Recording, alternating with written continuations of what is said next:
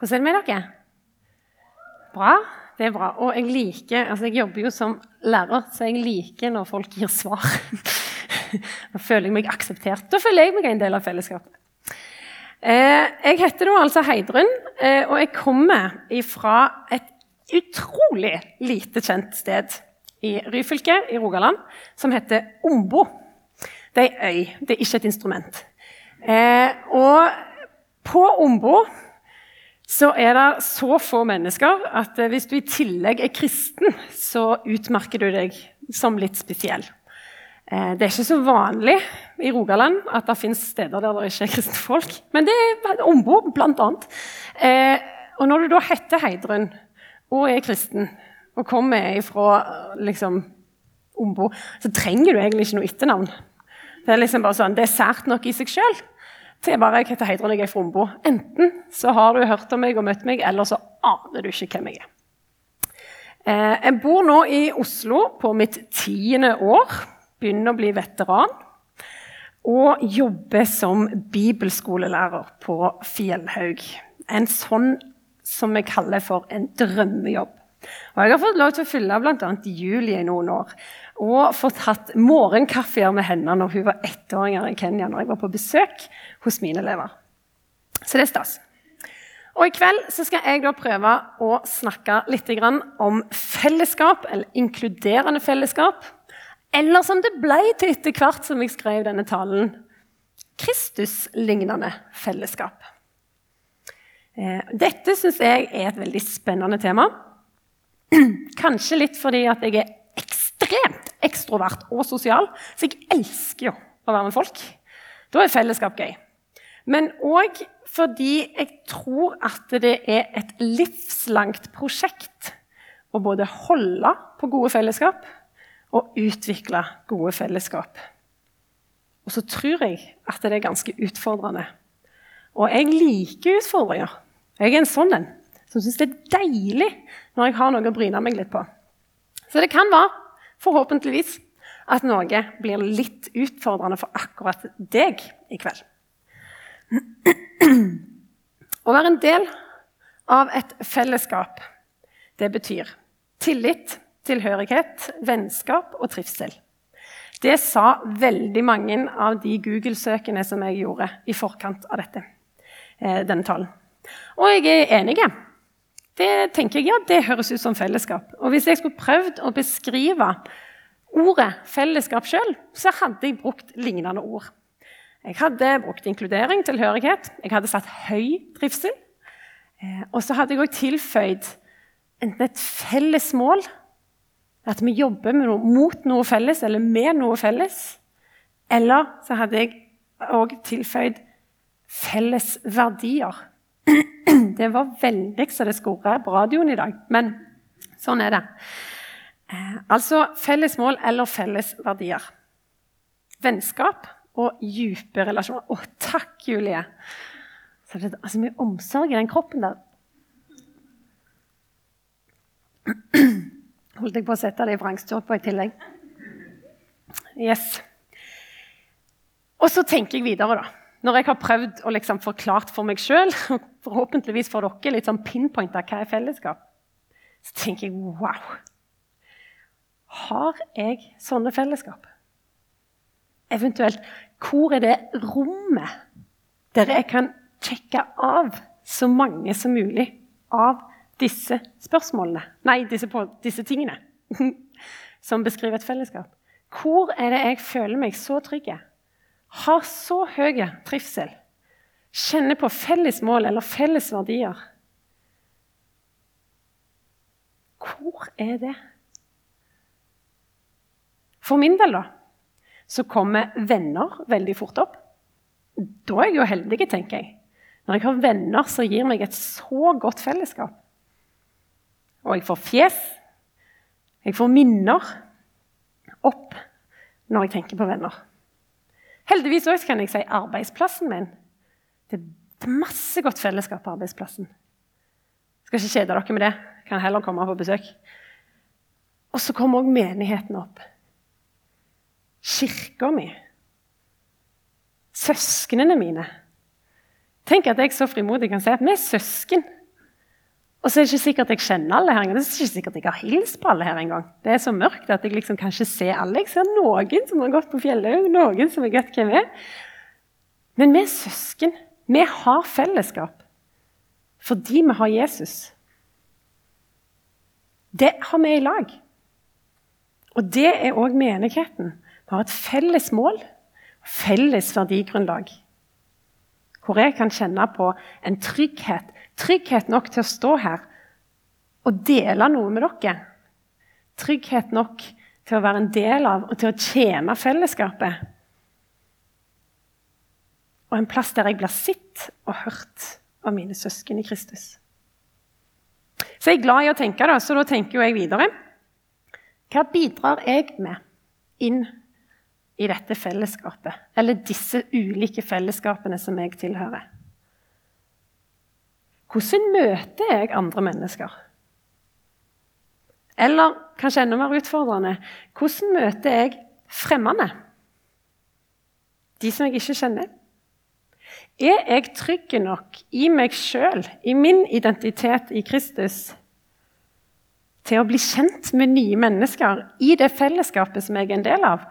Eller gjemmer jeg meg i det kjente, i det vante? Skal du i misjonssalen i kveld? OK, da skal jeg òg. Hva hadde skjedd hvis du hadde gått alene? Hvis du ikke hadde hatt en backup? Ah, jeg går bare hvis de skal, for det er de jeg kjenner. Oi. Da tenker jeg at vi må ta den utfordringen. Sånn at folk kan komme inn alene og bli sett Og ha tilhørighet, ha trygghet, dele noe felles i lag med oss. For et godt fellesskap er ikke nødvendigvis bare sånn at det, så lenge vi kommer sammen med våre greier, så er det bra. Men et godt fellesskap det blir styrt av noe annet enn oss sjøl. Vi har fellesskap til Gud. Sant? Det går oppover. og så har vi fellesskap til hverandre som går utover. Og Hvis vi mangler, hvis vi ikke har med oss den linja som går oppover, er det, er det vertikalt, det? For horisontalt det blir, Horisonten er jo sånn, ja. Altså hvis vi, ikke, sorry, hvis vi ikke har med oss den vertikale linja opp til Gud, så har vi plutselig mye mindre å gi horisontalt ut til folk. Og da kan det oppleves veldig utrygt, kanskje òg. Så kan det være verdt å tenke seg om, da. Hvordan oppleves jeg i møte med den som kommer inn døra alene? Er jeg et inkluderende fellesskap i vårt fellesskap? Hele denne talen skal ikke handle om mine eksistensielle spørsmål. Altså. Men jeg tror at det er verdt å reflektere litt over seg sjøl når vi skal snakke om disse tingene her, da, eller fellesskap. Um, og det er verdt å gjøre det sånn en gang iblant generelt. For vi er alle barn av vår tid, av vår egen samtid, og er mest opptatt kanskje av det som berører meg, mer enn hvordan jeg berører andre. Guds ord utfordrer oss stadig på å ligne på Jesus å ha Han som livslærer herfra og helt til evigheten. Altså Ikke som en sånn gullbillett i Charlie sjokoladefabrikken. Sant? Men det begynner nå. La livet nå bli forma av hvem du hører til. Av hvem sin identitet du har. Ikke vent med det til en sånn evighetsgreie. Nei, Jesus, det begynner akkurat nå. Det begynner i dette livet. Og vi skal få lov til å ligne på han med å elske vår neste sånn som han elsker oss. Eller sånn som han sa at vi skulle elske vår neste. Det går jo an å si. Og Vi er kalt til å tjene hverandre og til å bygge opp både enhet og fellesskap som er sentrert rundt han. Ikke rundt meg, men rundt Jesus. Og I Romerbrevet kapittel 13-15 så er det mye fokus på dette her, hvordan vi behandler eh, hverandre og hvordan vi møter våre ulikheter. For det er jo gjerne der de kan bli litt sånn der skurr på radioen igjen, når vi er veldig ulike.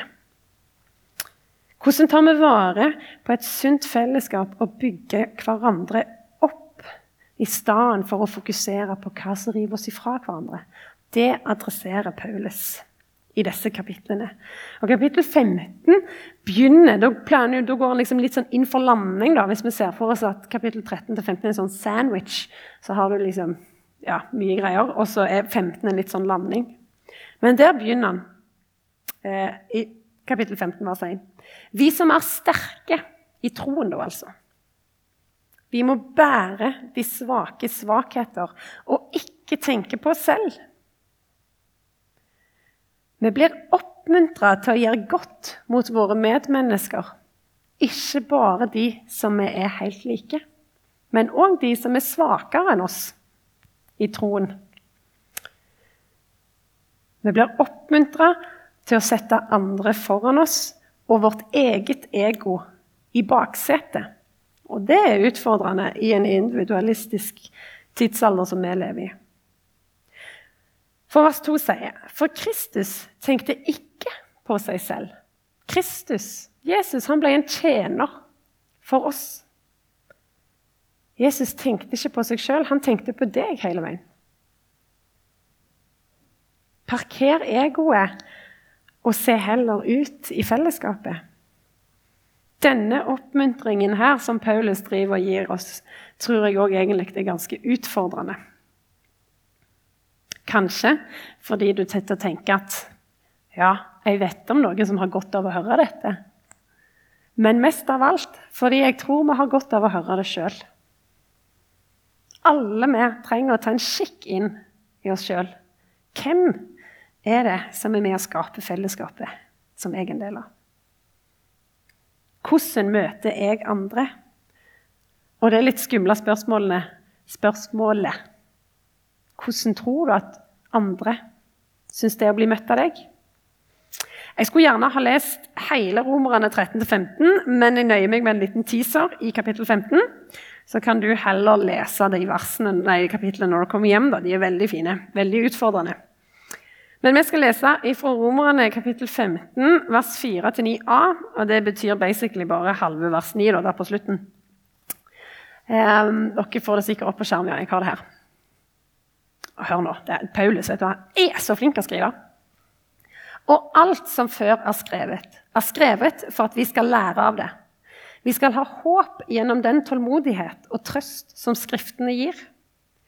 Må tålmodighetens og trøstens Gud hjelpe dere alle til å vise enhet etter Jesu Kristi vilje.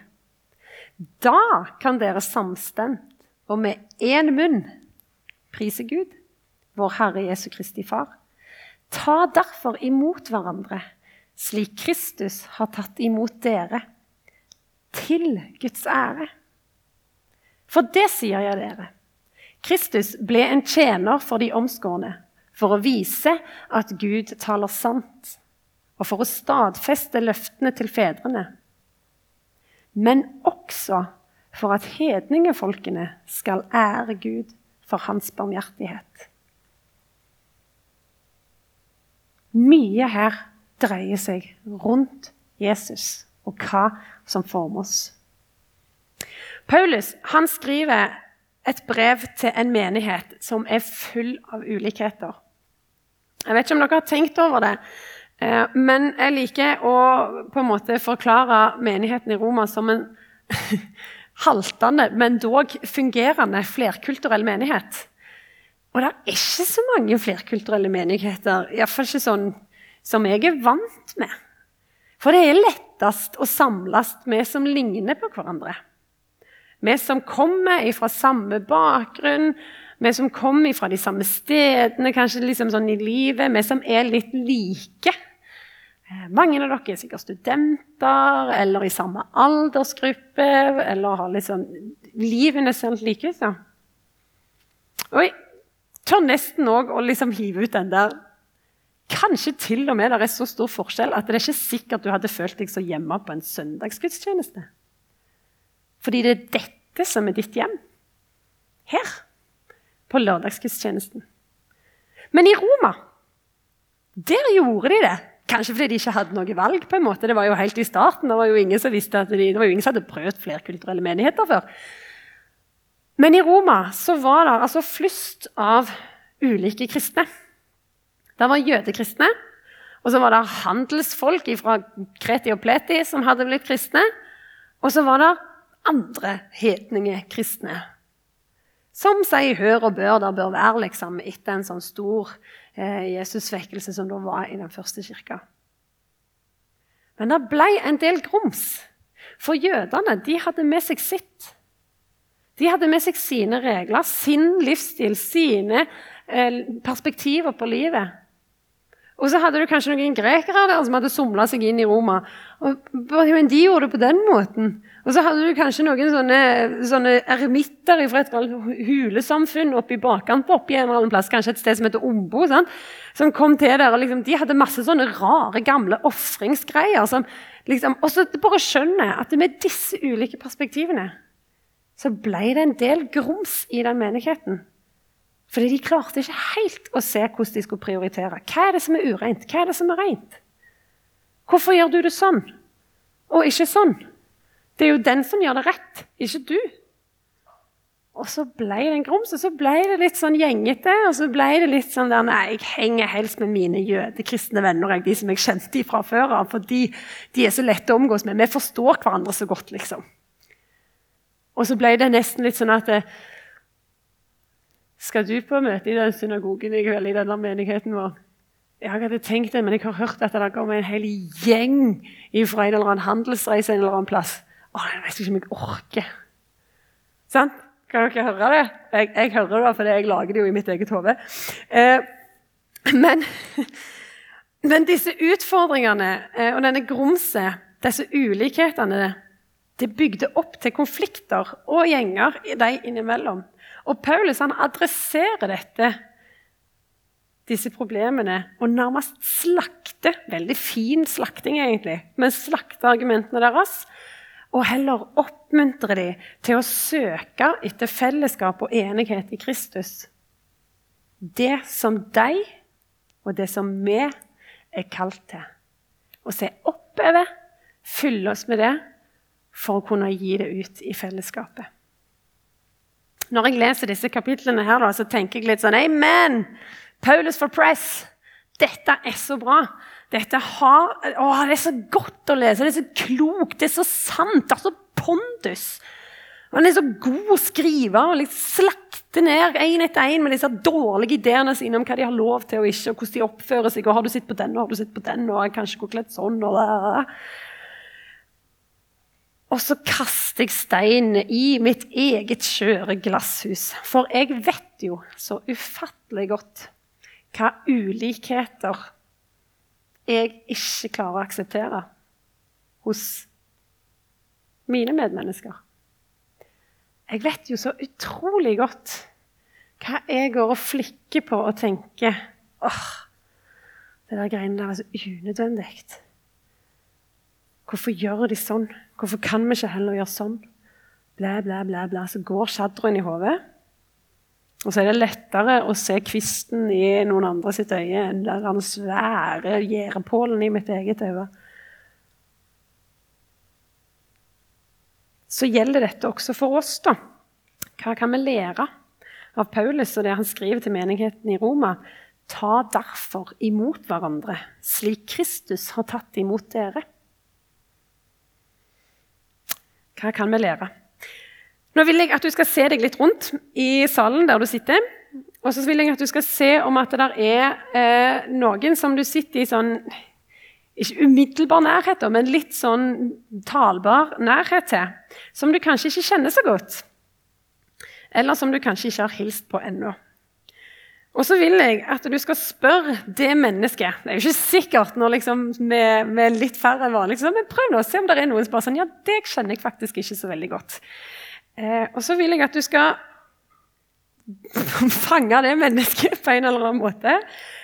Og så spør du spørsmålet Når opplevde du sist å bli tatt imot eller inkludert med Jesu kjærlighet? Dette var kjekkere enn jeg hadde trodd. For hvis dere nå snakker om eh, sist dere ble tatt imot med Jesu kjærlighet, så er det jo rørende. For jeg hadde egentlig forventa sånn klein auditoriestemning. der litt sånn der ah, Søndag, kanskje, eller noe sånt. Ja.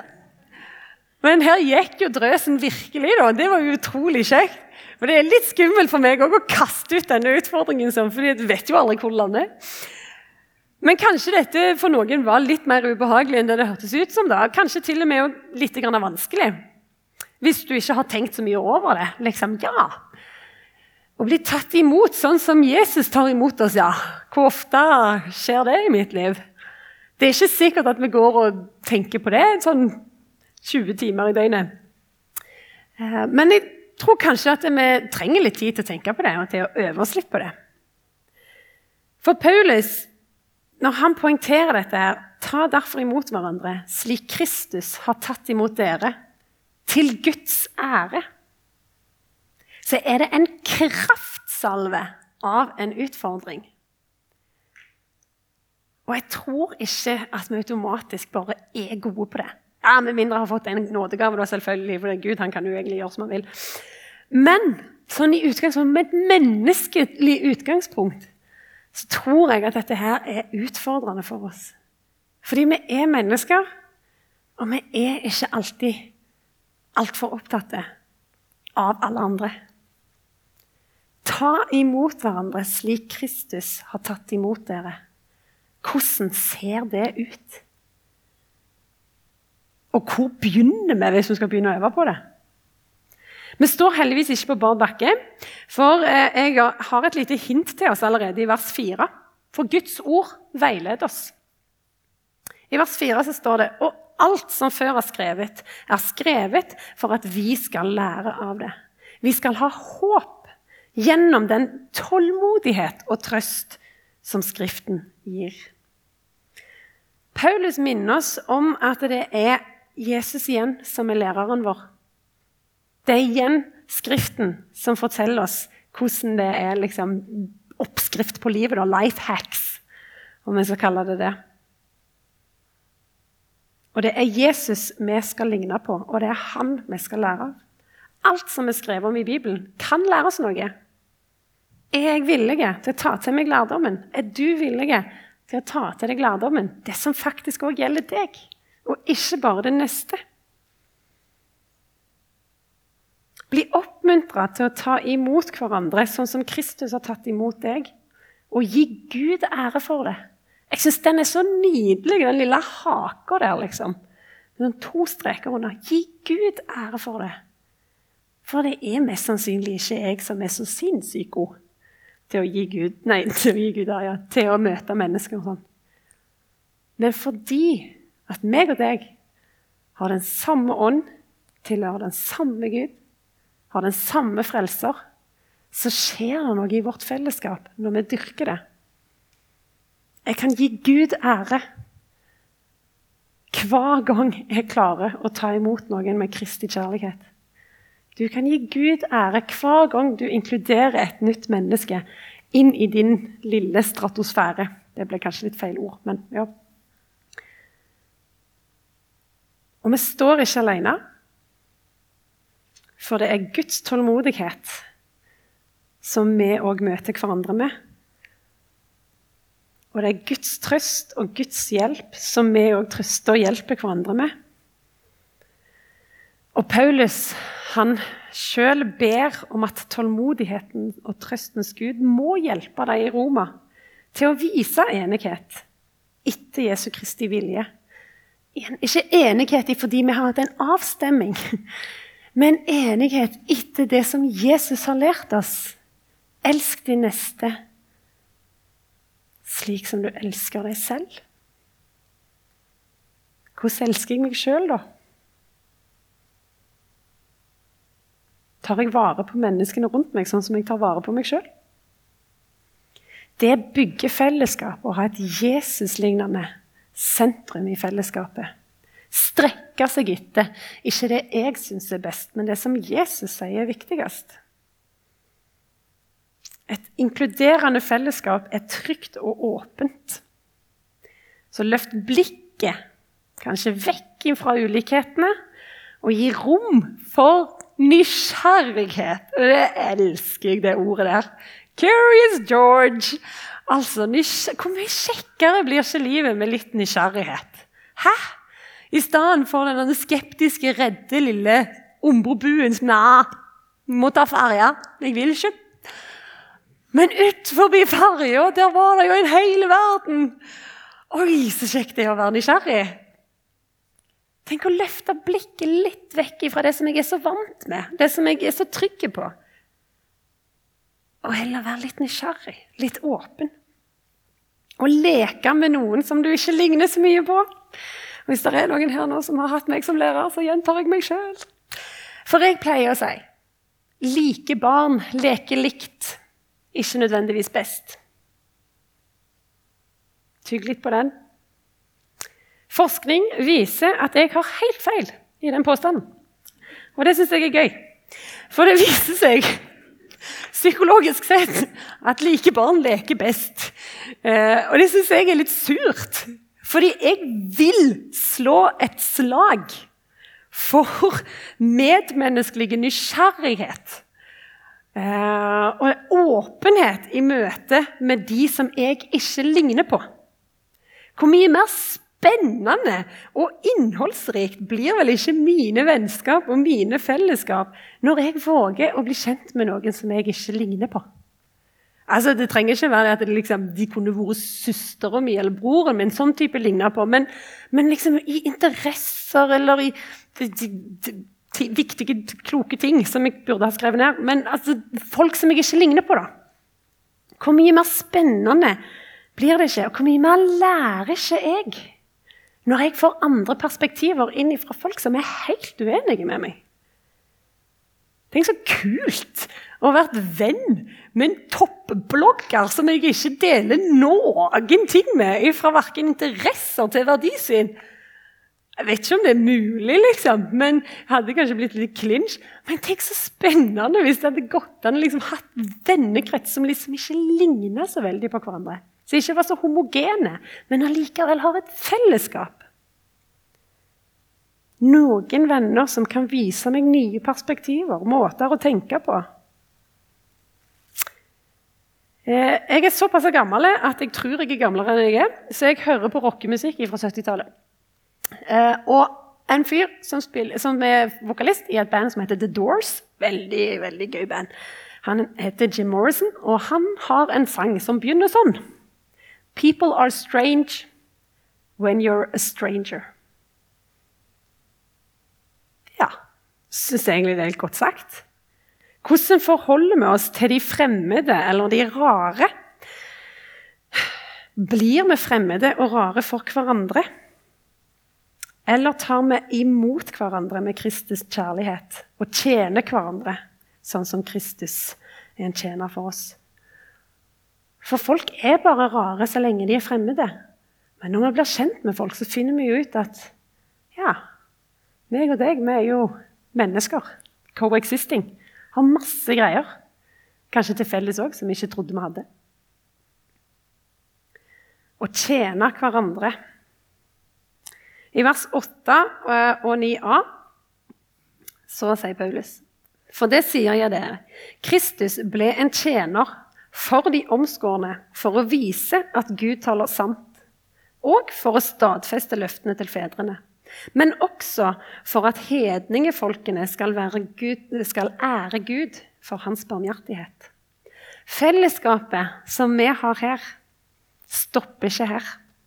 Det fellesskapet som du er med å bygge, som du er med og bidrar inn i, det vitner om noe.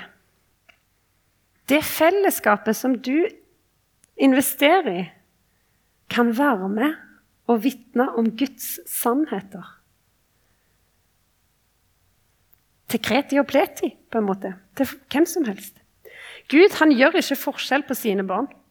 Om de er omskårne eller uomskårne, som det står om i dette avsnittet her. Så kom Jesus som tjener for alle, og han tar imot oss alle. For at alle skal kunne gi Gud ære med en samstemt munn. Vi trenger fellesskapet, og vi trenger tryggheten og tilhørigheten, tilliten og trivselen. Og mest av alt så trenger vi Jesus for å bygge det fellesskapet, for at det fellesskapet skal være sunt. Jeg nærmer meg en slutt.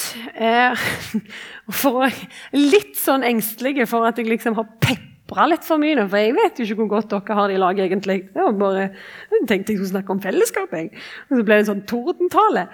Eh, men en klok mann, eller jeg vet ikke om det var en mann, det var et menneske iallfall. Jeg, klarer, jeg husker ikke hvem som har sagt det til meg, men det var et menneske som lærte meg en bønn en gang. Og den bruker jeg veldig ofte. Så den tenkte jeg kunne være en sånn personlig oppmuntring. da til hver enkelt her. Den er fryktelig enkel å huske. Eh, og Den går ca. sånn som dette her, og så utvider den eller forkorter den sånn som det passer seg etter situasjonen. Jesus, hjelp meg å se mennesker slik som du ser dem. Hjelp meg å møte mennesker slik som du møter dem. Hjelp meg å lytte til mennesker slik som du lytter til dem. Og hjelp meg å elske min neste slik som du elsker meg. Basically bare å be om å få ligne på Jesus mer konkret. I gitte situasjoner. Kanskje før du går på gudstjeneste, kanskje før du går på forelesning, kanskje før du går på jobb. Eller kanskje før du går på den der trikken klokka fire som er altfor crowded. Da kan det òg være vanskelig å elske sin neste. Så min oppfordring da, eh, for et mer innholdsrikt liv og et mer inkluderende fellesskap, det er å ta imot hverandre sånn som Kristus tar imot dere. Til Guds ære. Ikke i egen kraft der, altså. Og for å gjøre livet litt mer spennende sjøl òg, lek med noen som du ikke ligner på. For like barn leker likt, ikke nødvendigvis best så skal du se hvor fint det kan bli. Takk, Jesus, for at vi kan få hvile i dine løfter. At vi kan få ha deg i sentrum av våre liv, at vi kan få stole på at det ikke er en engangsjobb der vi må gjøre det og ace eksamen på første forsøk. Men at du, Jesus, du er raus og du er tålmodig med oss, og du gir oss rom til å utvikle oss og til å øve oss på dette med å ligne på deg vil jeg be Jesus om at du velsigner oss alle, at du velsigner misjonssalen og det fellesskapet som er her. At du ser hver enkelt, og at hver enkelt igjen kan få møte sin neste i dette rommet. På den måten som du ser dem, og på den måten som du elsker dem, Jesus. Må det bli et oppmuntrende og godt og inkluderende fellesskap som oser trygghet og glede og trivsel, med deg i sentrum, som våre verdier og som vår forankring i livet. Hjelp oss til å strekke oss etter å være mer lik deg, Jesus. I ditt navn. Amen.